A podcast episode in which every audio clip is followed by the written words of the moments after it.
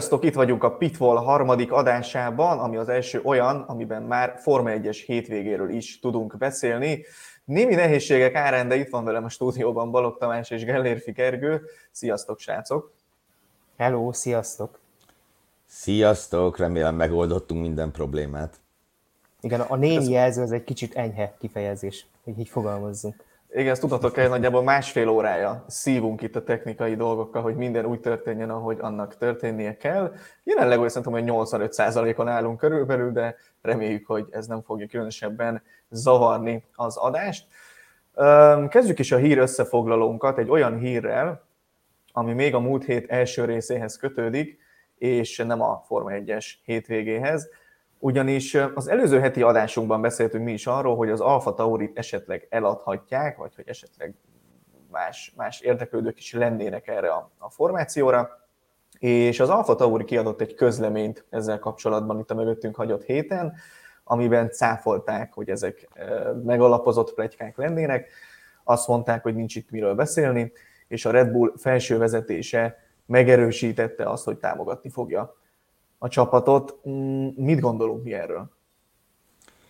Én azt gondolom erről, hogy szerintem semmi másról nem számíthattunk, mármint a cáfolaton kívül, tehát szerintem ez, ez abszolút az, amit megszokhattunk, hogy amíg nincsenek olyan konkrétumok, amiket ők be akarnának jelenteni, addig nem mondhatnak mást.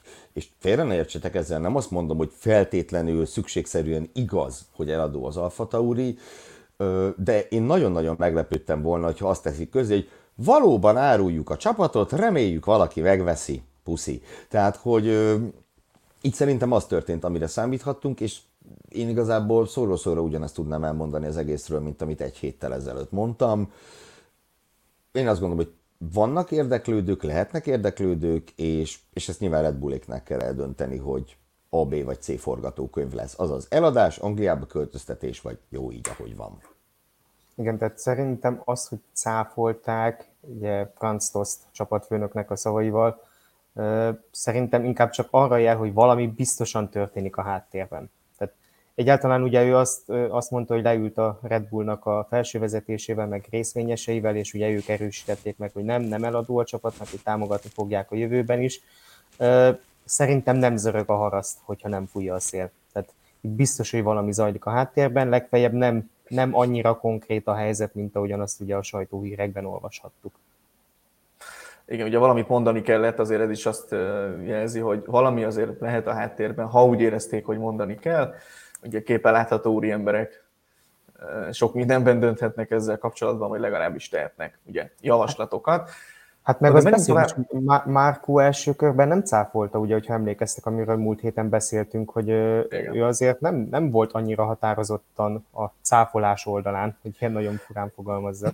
És pont ezért gondolom azt egyébként, hogy, hogy az, hogy ő megszólalt, majd az ő megszólalása után esetleg még azt mondták, hogy hát oké, de ez mégse így van. Ugye Márkónak a megszólalásait azért néha szokták egy picit így, hogy mondjam, utólag kenegetni, hogy nem egészen úgy van az, ahogy azt ő mondta, úgyhogy én azt gondolom, ez is egy ilyesmi uh, sztori lehet, de ez még biztos ki fogja magát forni itt a következő hónapokban. Elképzelhető, hogy még a tavasz folyamán lesz olyan hír vagy bejelentés, hogy, uh, hogy ez még sincs így, ahogy most elmondták. Ugorjunk tovább a következő hírünkre. Mi mindig nem a verseny hétvégéről beszélünk, arról is fogunk, ezt megígérjük, de még maradjunk Barcelonánál, ugyanis azt jelentették be még a múlt hét elején, hogy kiveszik a sikánt a pálya végéről. Ugye ez egy most már jó pár éve bent lévő nehezítés ebben a, ebben a pályában, és, és ezt megszüntetik, és a régi, hagyományosabb nyomvonalon kell majd elfordulni a célegyenesre. Hála a jó Istennek! Elsősorban ez a, ez a megjegyzésem ehhez.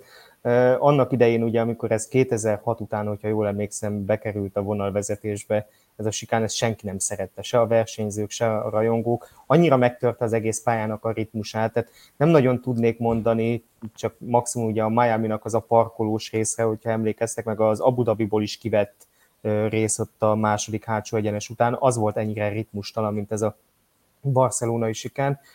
Én örülök neki, hogy visszatérnek a korábbi nyomvonalra. Ugye a MotoGP már például néhány éve visszatért, Ugye, ők is átmentek egy pár évvel ezelőtt Louis Salom halála után a, a sikános verzióra, sőt nekik volt kétféle sikányuk is, de ez sokkal inkább beleillik az egész pályának a, a, a karakterisztikájába. Igen, igazából ugye tényleg... Nagyon, nagyon örülök neki, mert ugye vannak pályák, ahogy Tomi mondtad is, ahol egyszerűen nyomvonalban van valami furcsaság, valami oda nem illő dolog, és nekem ez abszolút ilyen volt. Nem, nem kell az oda, tök jó, hogy nincs tök jó, hogy nincs tényleg nekem is a ritmustalan szó jutott róla mindig eszembe, hogy még a jobbos beforduló, még azt mondom, hogy rendben van, utána még azt, hogy be kell fordulni balra, abba a szűk kanyarba, jó, hogy utána egy ilyen magas kerékvetővel jobbra gyakorlatilag, hát nem is hajtűkanyar, de tényleg nagyon éles visszakanyar, ez csak összeakadások voltak, meg feltartások, meg, meg tényleg olyan dolgok, hogy nem, nem, nem volt arra szükség. Egyrészt meg...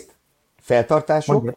másrészt, bocs, amit mond, valamelyikőtök úgy fogalmazott, hogy egy nehezítést beraktak. Ez egy dolgot nehezített, az előzést. Azt pedig ugye a Forma egy jelenlegi tendenciáit nézve, az nem jó, ha az nehezít. Ezt, ezt akartam pont mondani, hogy ugye azért lett betéve egyáltalán a sikán ebbe a pályába, hogy könnyítsék az előzést, ugye, hogy kigyorsításról tudjanak menni a célegyenesre, és ne pedig egy gyors kanyarból kimenet, és szerintem pont az ellenkező hatását értéke, hatást értékel vele. Egy az egyben szerintem is. Úgyhogy ettől azért javulást, vagy legalábbis valami, valamiféle jobb versenyzést várunk. Menjünk tovább a következő hírünkre, picit, ha nem is szakmázni, de picit-picit mégiscsak érdekesebb témára. Alexander Albon írt egy cikket a Players Tribune-ön, még itt a múlt hét folyamán. Ugye ez egy olyan felület, ahol komoly sportolók szoktak ilyen leveleket írni, vagy, vagy blogot írni, vagy hasonló bejegyzéseket közé tenni más sportágakból is és Albon ebben a cikkében érintette, most ezt egy dolgot emeljük ki, ugye érintette azt, hogy milyen volt neki a Red Bullnál azt a Red Bullt vezetni, amit már Max Verstappen köré faragtak, és, és az ő ízlése szerint volt megépítve és beállítva. És Albon azt mondta, hogy gyakorlatilag a második, harmadik ilyen session után, amikor vezette az autót, így Pierre Gasly-ra gondolt, hogy aha, értem, hogy neked ez miért volt ilyen nehéz, ugye Gasly, Gasly helyett igazolták le szezon közben, ugye, ugye nem igazolták le, előléptették Albont, és utána nem sokkal neki is ugye menni kellett attól a csapattól, mert hát szörnyű teljesítmény nyújtott Verstappen mellett, és ugye azt mondta Albon, hogy nagyon sok pilóta van a Forma 1-ben, akik szeretik az olyan autót, ami, ami ugye nem ortolós, hanem kicsit túlkormányzott, és ugye könnyű vele befordulni, és utána a pilótának a, az érzéke, kezelába az, ami, ami tudja kicsit irányítani a megúszó hátulját az autónak, és Verstappen az a pilóta, aki ezt mindenkinél jobban csinálja, és úgy fogalmazott Albon, hogy úgy érezte, hogy ha ráfúj a kormányra, gyakorlatilag már attól is befordul az autó. És ez egy nagyon érdekes dolog egyébként, ezt, ezt hogyha ha más sportágakat nézünk, például a VRC-ben is Kalle Rovanperáról ugyanezt mondják. Az ilyen zsenikről valahogy több, több helyről ezek jönnek vissza, hogy, hogy ugye az a nem mindegy, hogy mennyire ideges autót tud valaki jól befordítani a kanyarokba. És ugye Sergio Perez-t is megkérdezték erről, a mostani másodpilótát, vagy hát nem tudom, Gergő mennyire másodpilóta Perez, erre majd egyszer, erre majd egyszer visszatérünk. Hát mi lenne Tehát, szegény?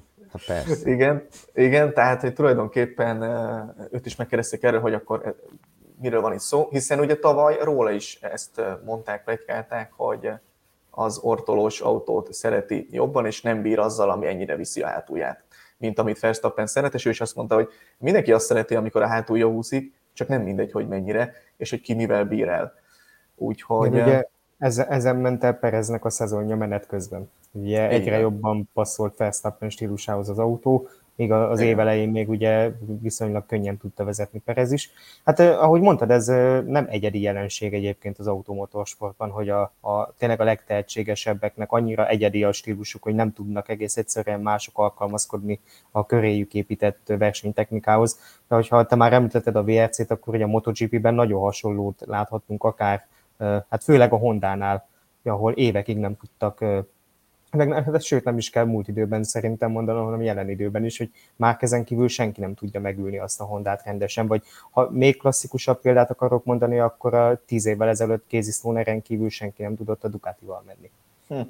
Úgyhogy tehát ez nem egyedi jelenség. Nézzétek, én azt gondolom, most itt maradva Verstappennél, de nyilván a Tomi által említett MotoGP is például is tökéletesen igaz ez, vagy elmondható ez, hogy ha van egy ennyire kiemelkedő versenyződ, akire te rá akarsz építeni egy csapatot, akivel világbajnoki címeket akarsz szerezni, és ráadásul úgy tűnik, hogy ez, ez, ez a tervez be is válik, akkor én abszolút nem tudom a Red Bullt azért hibáztatni, hogy, hogy ők úgy vannak vele, hogy olyan autót csinálunk, ami Verstappennek fekszik, és a csapatás meg majd kezd vele valamit. Tehát szerintem öngól lenne egy ilyen pilótát a csapatodban tudva a fejlesztésnél azt nézni, hogy akár Alex Albonnak, akár Pierre Gazinak, akár Sergio Persze. Pereznek mi fekszik. Mondom úgy, én mindhárom srácot kimondottan kedvelem, de, de hát ez van. Tehát nyilván Verstappen érdekeit kell nézni. Nyilván azt kell nézni, aki világbajnoki címet tud neked nyerni, és ugye hát ő tud, azért ez elég, elég jól látszik. Csak mondom, nagyon érdekes, ez azért is írtam be ezt a hírt ide az összefoglalóba, hogy, hogy ugye Alban azt mondta, hogy ő Russell és Leclerc féle autókat is vezetett korábban kisebb kategóriákban vagy máshol, és hogy azok sem voltak ilyenek. Verstappen annyira egyedien vezeti ezeket az autókat. Ja, de menjünk tovább egy kicsit bulvárosabb témára. Ugye itt uh, Tomival már feszegettük ezt a témát itt pénteken gyakorlatilag, hogy már megint miért kell erről beszélni, úgyhogy beírtuk ebbe a műsorba is, mert hát ugye miért ne.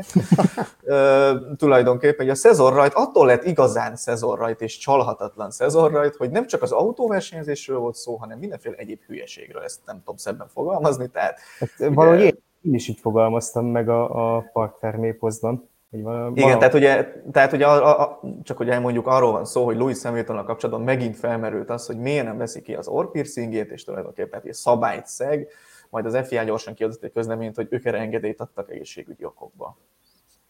De, de, tehát, hogy na, kezdjük az elején. Tehát egyrészt azt nem értem, hogy miért téma ez még mindig egy év után, az az ékszerügy. Tehát már tavaly is szörnyen unalmas volt, meg, meg tényleg nem értettem, miért kell ennyit lovagolni ezen az egész témán de most miért kellett azzal előhozni újra, hogy ugye kiadta az FIA ezt a dokumentumot, hogy ugye a csapatok most már önállóan adják le az ilyen technikai ellenőrzéses dokumentumokat, és abban erről is be kell számolniuk, hogy a versenyzők megfelelnek-e a, az ékszerviselésre vonatkozó szabályoknak, és a dokumentum alján ott volt, hogy a Mercedes nem töltötte ki azt a részt, hogy Lewis Hamilton megfelel ennek a résznek.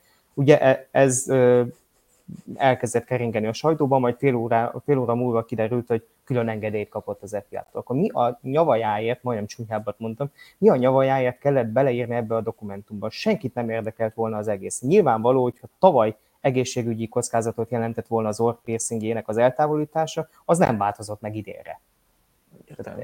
Annyira felbosszantottam magam, és most is érzem, hogy megy fel a vérnyomásom. Hogy... Látjuk, Tomi, látjuk, igen. Tényleg nem értem, hogy annyit hadd mondjak, hogy tehát szerintem kevés érdektelenebb dolog van a világon, mint hogy egy autóversenyzőnek van-e piercing bármelyik testrészében, vagy nem.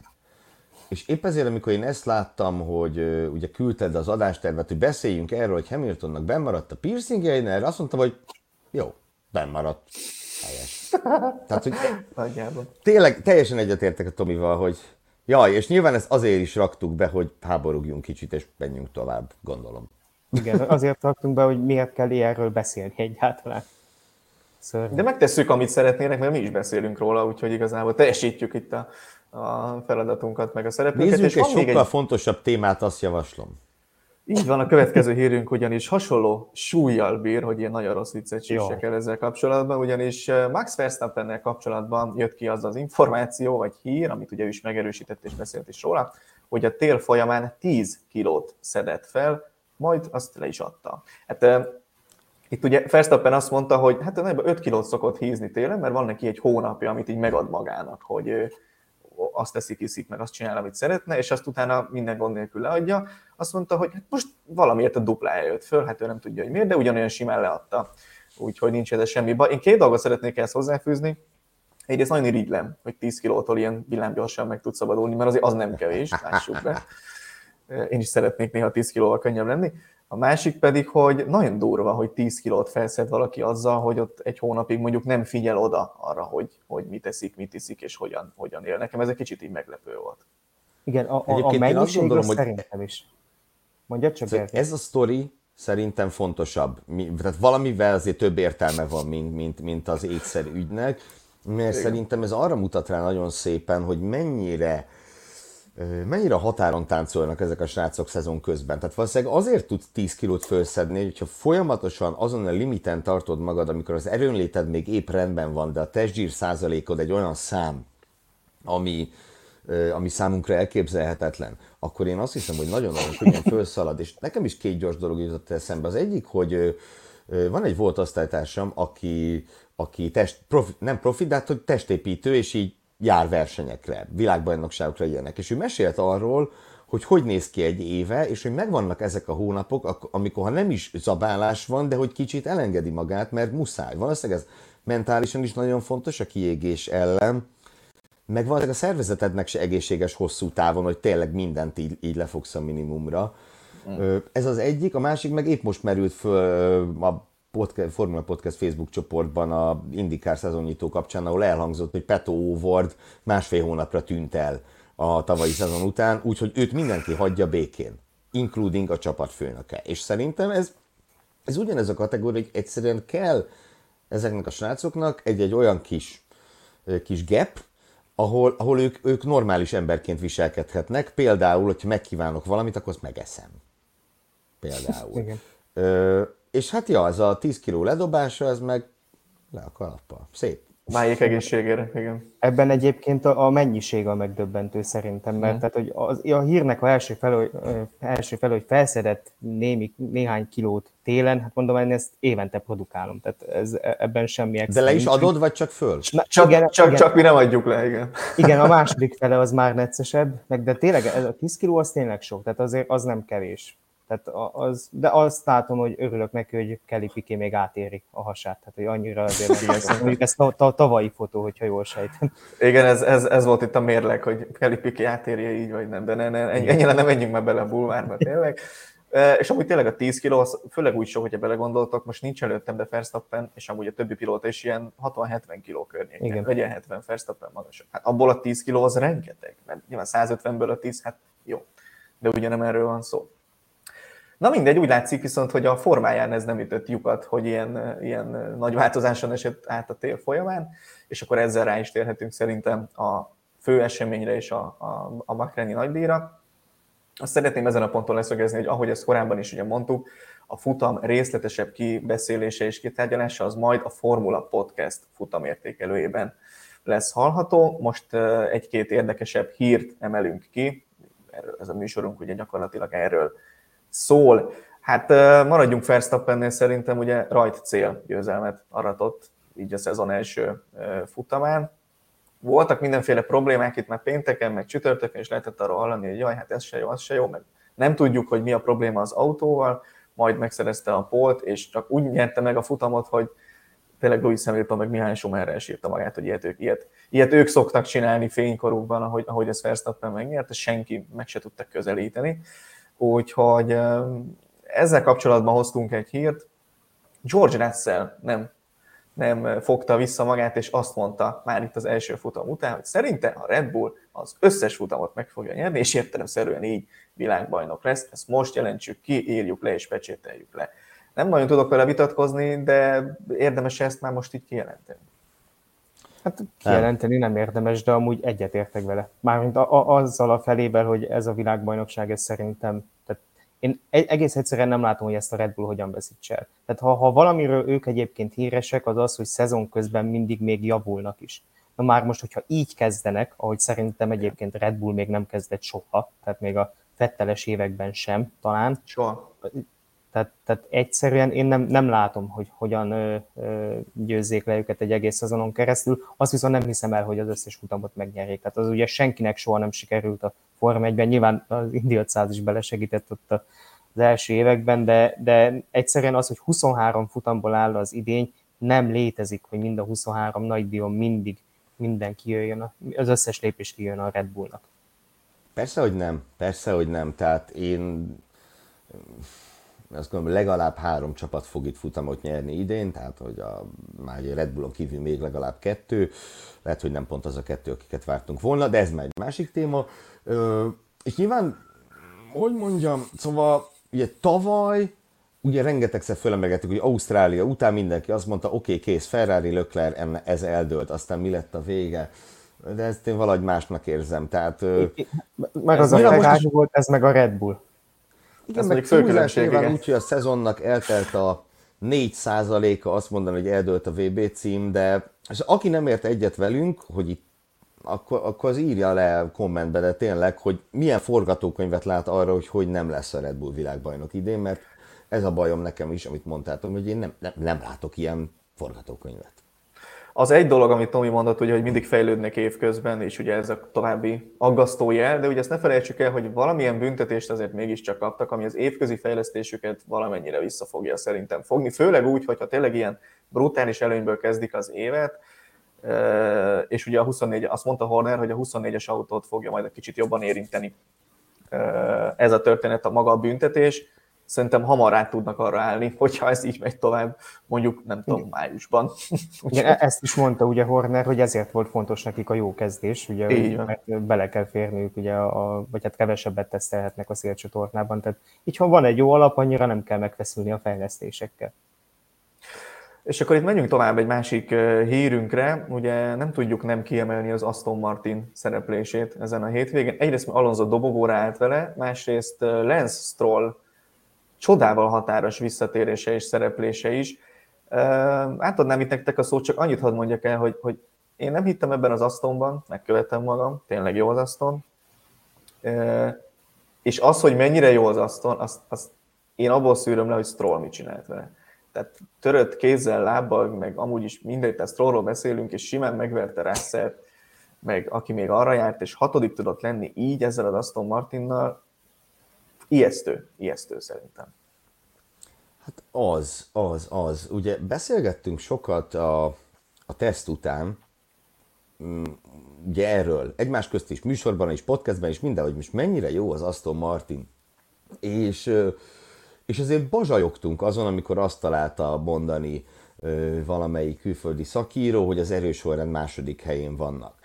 Nincsenek ott, de már nem annyira megmosolyogtató ez a gondolat, mint volt. Tehát jelenleg én azt mondom, hogy amit itt Bahreinben láttunk, az alapján ez, ez, egy, ez egy harmadik hely, a, hely az erősorrendben, és az, hogy nem ők a best of the rest, mert hogy nem a resthez tartoznak. Tehát nem mondhatjuk, hogy az Aston vezeti a középmezőnyt, hiszen jelenleg nem részei a középmezőnynek, vagy ha igen, akkor a Ferrari és a Mercedes is. Stroll kapcsolatban abszolút igazad van. Tehát megnézzük, kétszer lecsúszott a pályáról, vagy nem kifociszta Alonzót az első körbe, ott, ott egy sereg őrangyal védte meg. Nincs jó állapotban, nem tudott pesztelni volt egy-két ilyen pillanatkép, ahol látszott, hogy milyen fájdalmai vannak. Nem tudom, azt láttátok, hogy csípőre tette a kezét, és eltorzult az arca a fájdalomtól azonnal. Tehát így ilyen állapotban veri meg George russell hú, Szóval ez az autó jó, és nekem még egy dolog tűnt föl nagyon, ezt is futam közben beszéltük is egymásról, hogy veszélyesen gyors az Aston Martin, hogy nem egyszer volt olyan, hogy a, a kigyorsításon gyakorlatilag Alonzónak bele kellett lépni a fékbe, hogy ne találja el az előtte menőt, mert úgy Igen. tapad be az az autó, hogy se a Mercedes, Igen. se a Ferrari nem tudott úgy betapadni. A gyors kanyarokban volt egyébként látványos, ugye pont amikor utolérte Alonzót, Hamilton, tehát az, az ott tényleg, tehát az teljes, szerintem a versenyen, tehát versenytempóban, meg gumikezelésben, meg ilyesmikben én úgy érzem, hogy legalább a Ferrari szintjén is van az Aston Martin. Tehát a Mercedes szerintem egyértelműen előzi, így összességében ez a, ez a csomag, és a Ferrari-nál is nekem az az érzésem, hogy Lökler azért volt előtte egyértelműen, mert Lökler ült abban az autóban, tehát ő szerintem tudott hozzáadni extrát, illetve hogy Alonzónak azon a bizonyos Russell-féle Mercedesen is át kellett hámoznia magát a verseny elejé Köszönhetően az első körös akciónak. igen.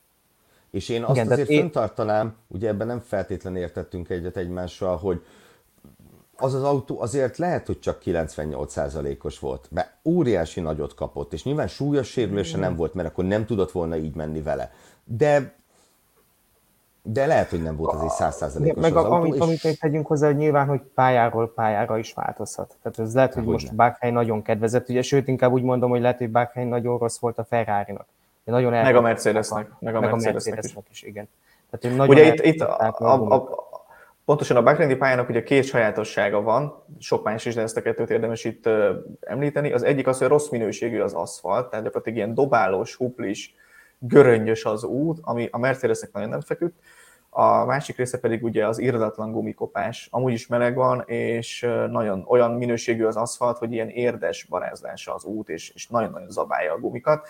És ezen a ponton szerintem hallgassuk meg, amit Mészáros Sándor barátunk mondott még Bakreinben a pedokban.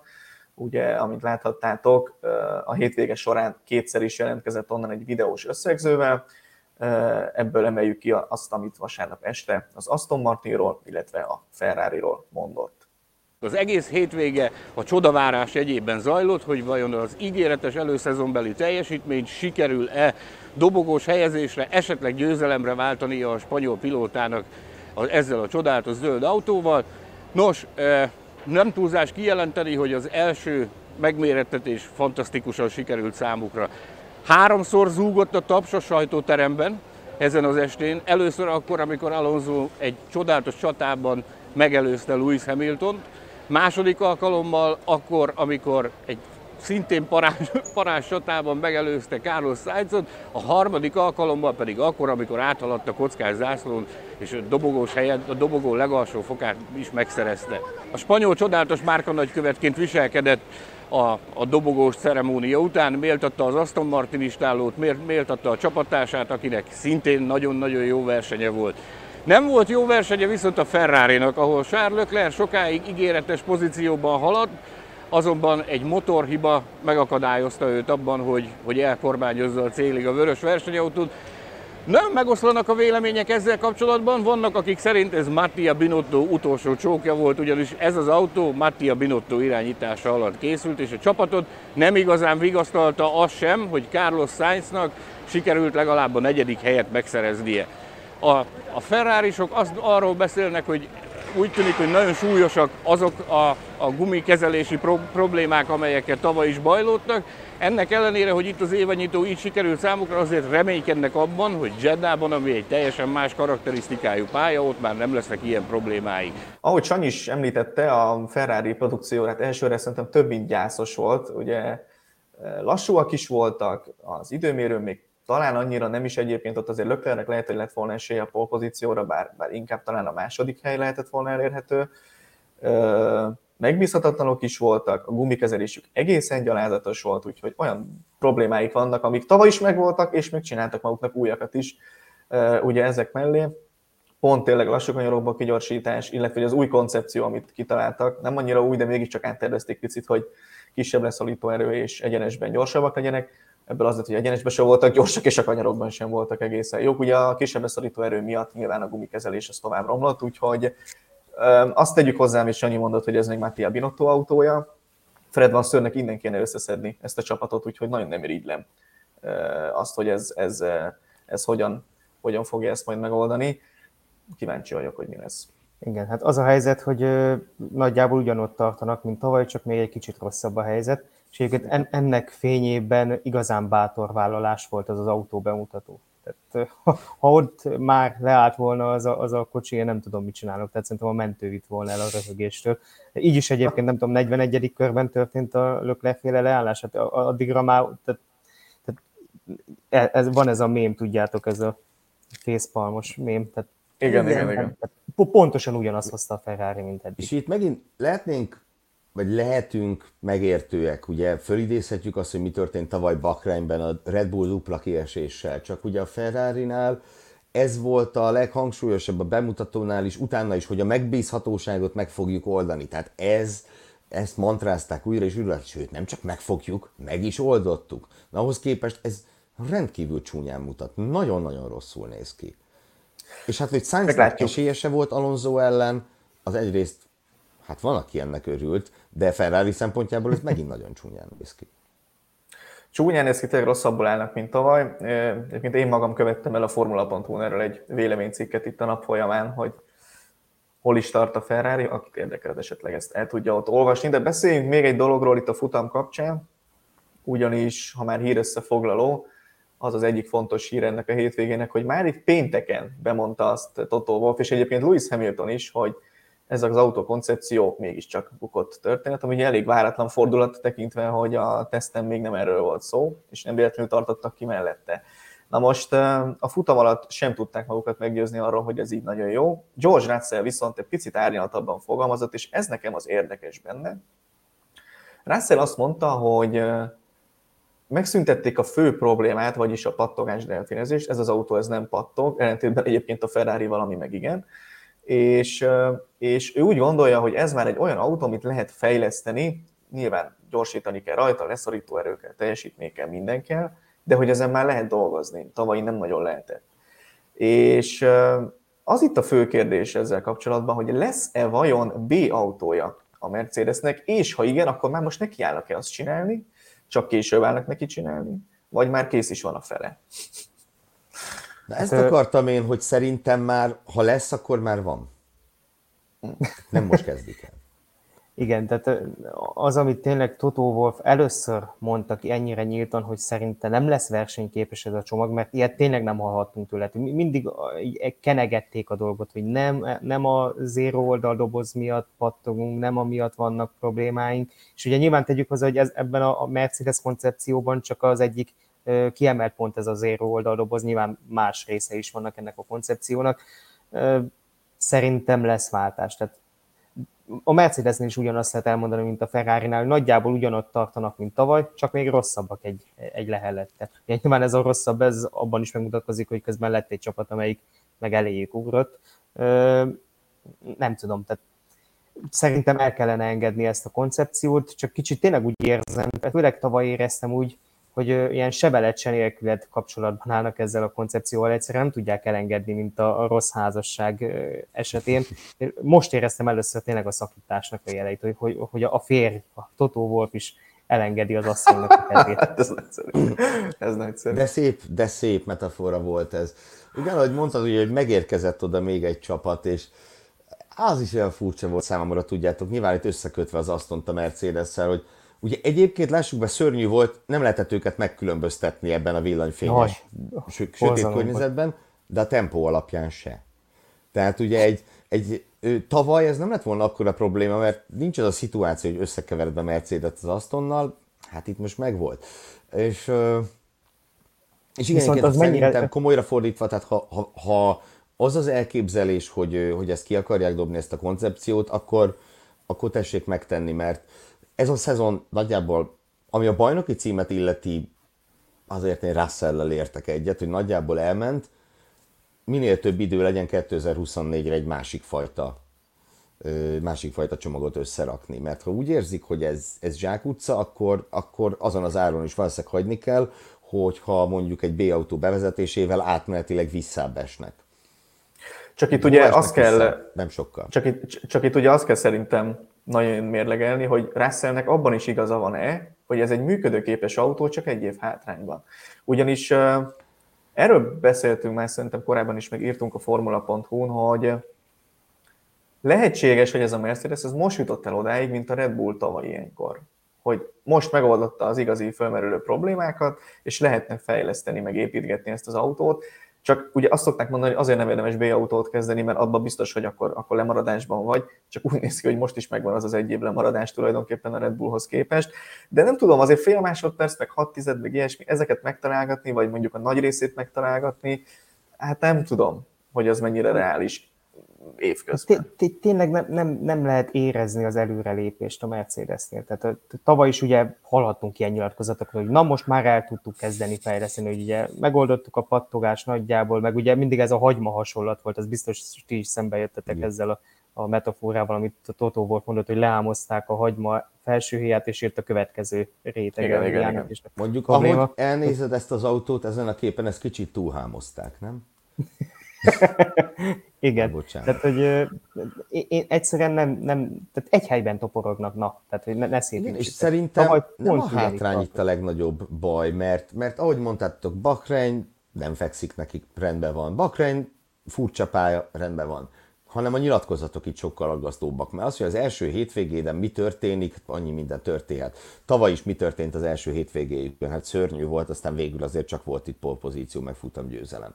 De, De az, amit mondasz, hogy a szezon első napján már arról beszél a csapatfőnök, hogy ez egy, ez egy zsákutca, az baj. Figyelj, azért azt, azért azt tegyük hozzá, és itt a hír, a hír elemzés meg a hírmagyarázat kapcsán, hogy én továbbra is azt mondanám, Hamiltonnak a nagy érzelmi hullámvas útjai, ugye ezt láttuk, egyik nap azt mondta, hogy itt ez katasztrófa, egy másodperc a hátrány, mindenki hagyjon be, ez, ez szörnyű lesz, és ezt a koncepciót még holnapra dobjuk ki, hogyha lehetséges.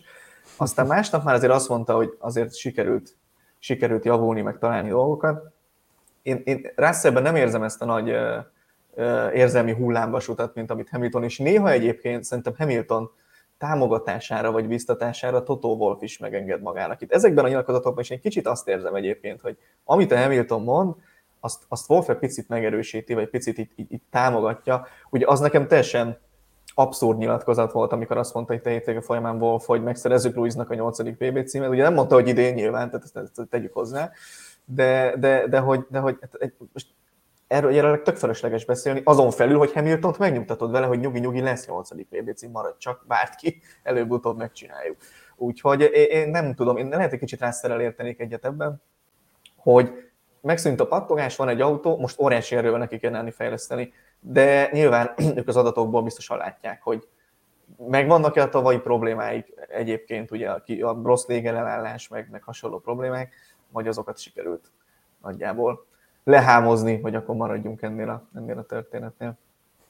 A, a többit majd meglátjuk szerintem, hogy hogyan fog ez folytatódni. Azért két hét múlva meglátjuk, hogy a következő pályán, más jellegű pályán mennyire lesz rossz a Mercedes, vagy éppen a Ferrari, vagy hogy melyik megy végig a futamon. És most nem fogjuk külön részletezni itt az Alpine és a McLaren csodálatos hétvégi produkcióját, mert hogy azt mondta a Formula Podcastben fogjuk megtenni, ahol, sok, ahol erre több lehetőség sok van. közlendőm lesz, ennyit ígérhetek. Gergő kedvenc csapatai nem annyira muzsikáltak jól ezen a hétvégén, úgyhogy, úgyhogy ennyit erről. Na de szóljunk még arról, hogy a hétvégén nem csak Forma 1 volt, hanem más események is történtek. Forma 2, Forma 3, Indikár, és egyébként helyenként teljesen őrült dolgok történtek itt a hétvégén. Hogyan is volt ez?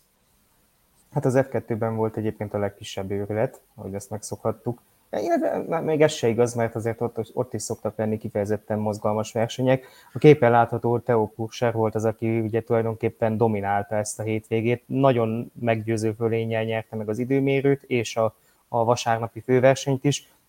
Egyetlen gondolat ő hozzá, neki pontosan erre van szüksége, hogyha bármi esélyt akar magának arra, hogy bekerüljön a Forma 1-be. a harmadik évét kezdte meg a Forma 2-ben, ami azért nem túl gyakori.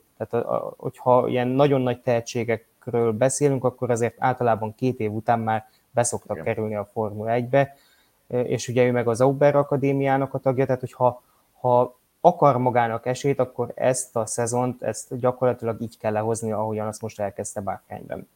És így sem biztos, hogy elegendő Kötelező lesz. megnyerni ezt a bajnokot. Igen, ezt is várom tőle egyébként, hogy ezt fogja bemutatni. És az lesz a kérdés, hogy ez így elegendő lesz-e. Tehát, hogy nem biztos, hogy lesz hely így is.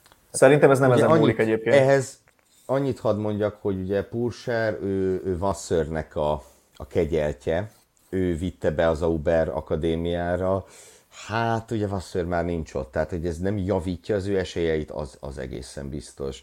De amúgy meg összességében, amit ez a srác mutatott eddigi karrierje során, az alapján kell, hogy legyen helye az F1-ben, csak ugye az F1 nem egy olyan játék, ahol ez a kell, hogy legyen, ez mindig realizálódik igen. is. Ez nem annyira így működik. Valahol felsír egy Robin Fröns, valahol messze. Na, igen. Vagy egy Robert Schwarzman vagy még sorolhatnánk a neveket akár. Igen, igen, igen. Hát ugye... Na de Forma 3 és Indikár, srácok, mit gondoltok? Indikárban azért tényleg voltak bolond dolgok, azért ezt tegyük hozzá. Hát az Indikárt az, az szerintem annyira nem is kell belemenni a részletekbe, aki teheti, nézze meg. Tehát egészen döbbenetes izgalmak és káosz volt. Tehát gyakorlatilag negyedik kanyarig jutottak el nagyjából, amikor egy olyan karambolt hoztak össze, amit nagyon ritkán látni bármilyen autóverseny szériában kétszer is megreptettek egy-egy autót, tehát ez tényleg elképesztő balesetek voltak Szent Petersburgben. Ugye Szentpéterváron, ahogy annak idején sikerült egy műsorújságban fordítani. És hát a végén egy volt. egy volt Forma, igen, egy volt Forma 1-es pilóta nyert, nem az, akinek lett volna esélye, ugye Roman Grosjean indult a polból, és ütközött ugye Scott McLaughlin-nal. Hanem Marcus Ericsson, aki a tavalyi Indy 500 győzelme után most újra szerzett egy futamgyőzelmet, és megint Most, de Grozsant nem Ericsson lökte ki? Nem, McLaughlin. Úgy szokott lenni. Ericsson hit Ja. ja. Erik, úristen. Ú, Jaj. Ez csodálatos volt. Tényleg. Úgyhogy aki teheti, az nézze meg az indikát, mert tényleg érdemes. Így van, Mm, és akkor még egy hírünk maradt, ez szintén még a múlt hét elejéhez kötődik egyébként, de ide az adásunk végére illesztettük be. Egy olyan dolog, egy olyan hírre hívnánk fel a figyelmet, amit mind a hárman nagyon várunk, és uh, talán tudjátok, hogyha nem, akkor most elmondom, hogy amúgy a Le Mani 24 órás futamról általában 24 órás élőzést szoktunk csinálni, mi hárman, nagy rész Gergő, de azért néha kicsit besegítünk neki, így Tomival, és hát 16 darab Hypercar szerepel a Le Mani 24 órásnak a nevezési listáján. Annyira jó volt ezt látni, meg olvasni, hogy ezt muszáj voltam itt közölni. Gergő, mit gondolsz? Csodálatos, csodálatos. Tehát ha végignézünk ezen a listán, és akkor ugye azt látjuk, hogy ha csak felsoroljuk, ugye, hogy Toyota, Ferrari, Peugeot, ott a Glickenhaus, ott a Vanval, ami ugye a Bike lesz csapat, azt majd meglátjuk, és akkor ehhez még jön ugye a tengeren túlról a Porsche meg a Cadillacnek az LMDH prototípusa, hát szenzáció, gyönyörű. Ugye azt vártuk évek óta itt az, a, az új szabályrendszerek megalkotásával, a Hyper, az LMH meg az LMDH szabályrendszer megalkotásával, hogy valamiféle új aranykor érkezik el. Na most itt a szezonnyitó előtt némi idővel már azt mondhatjuk, hogy igen, erről van szó, ez az endurance versenyzésnek a, a, a csodája lesz. Azt követően pár évvel azt követően, hogy a Toyotán kívül gyakorlatilag csak ilyen kis garázs csapatok voltak jelen, nem megbántva Igen. őket, de hát erről van szó. És, és nagyon remélem, hogy meg fogják futtatni a Toyotát a pénzért, ahogy ugye tavaly az, a úgynevezett Alpin, ami se Hypercar, se Alpin nem volt, azért valamelyes már megtette. Azért most jóval többen, jóval többen vannak, ugye például a képen látható Porsche, és még egy dolog, ugye, hogy, hogy ez itt nem ért véget ez a sztori, tehát a bővülés folytatódik. Ugye például most mutatták be az olasz uh, Izotta Frassini, egy mikrogyártónak mm. a, a prototípusát, amely Le Mansra nem kapott uh, nevezési engedélyt, de még a szezon végén be akarnak mutatkozni. És akkor ugye még majd jön a BMW, még majd jön az Alpin, fantasztikus, tényleg. Igen. Mindig nagyon még várom a 24 órás, de ennyire szerintem még sose vártam. Igen, a, ami ugye a kérdés, hogy tényleg meg tudják-e futtatni a Toyotát, azért ez még egy kérdőjel, hogy mennyire lesznek Ugye. versenyképesek az új gyártók, de nem kell sokat várnunk, hogy kiderüljön, hiszen jövő héten indul a szezon, a Szebringi ezer mérföldessel, úgyhogy tényleg nem kell sokat várnunk, az jövő pénteken lesz, hogyha jól emlékszem, úgyhogy ez tényleg 10-11 napot kell várnunk, és tényleg elindul az aranykorszaka. Reméljük. És endurance Jacques Villeneuve bike lesz autóban, ez már csodálatos. Ezért már megéri követni. Tényleg kövessétek idén szerintem az Endurance vb meg a Le Mans, mert régen látott izgalmaknak legalábbis érdekességeknek nézünk elébe. Igazából, amit mondtatok, hogy Toyota-t meg tudják-e futtatni, szerintem mindegy egyébként. Tehát, hogyha van 16 darab Hypercar és a Toyota nyer, hát jó, attól még a többit érdemes lesz szerintem nézni, meg az egésznek ezt a varázsát, hogy tényleg vannak gyártók, vannak autók, van mit nézni. És ugye Le Mansban még egy autó, Le Mansban még egy autóra hívjuk fel a figyelmet, egy NASCAR autót fognak vezetni Le Mansban. Jenson Button, Jimmy Johnson és Mike Rockefeller. Szenzáció. Az óriási lesz. Na, mindegy, szóval tényleg ezt nézzétek, nagyon jó lesz és akkor jövő héten szerintem lassan indulnak itt, mert tényleg a szezonok rally is elindul, amit nagyon-nagyon követek, hát mondjuk hárman közül csak én, de, de ez majd visszatérünk rá. Meggyőzlek titeket arról, hogy ez egy jó történet. Na de ennyi fért a mai hír összefoglalónkba, úgyhogy ezzel zárnánk ezt a mai adást. Olvassátok a formula.hu-t a friss hírekért és az elemzésekért is hallgassátok meg a Formula Podcast hamarosan érkező futam értékelő adását Gergővel és Mészáros Sanyival, aki ugye most csak ebben a formában tudott ismét velünk lenni, ahogy láthattátok, mert hát nyilván Bakrendben volt jelenése, és nem ért haza eddig a pontig. Pitwall pedig a szokott menetrend szerint majd jövő héten, hétfőn este 7 órakor jön, ismét a legfontosabb hírekkel és, és azoknak az összefoglalóival, úgyhogy már ennyi voltunk, köszönjük a figyelmet, legyetek velünk jövő héten is, sziasztok! Sziasztok! Minden jót, sziasztok!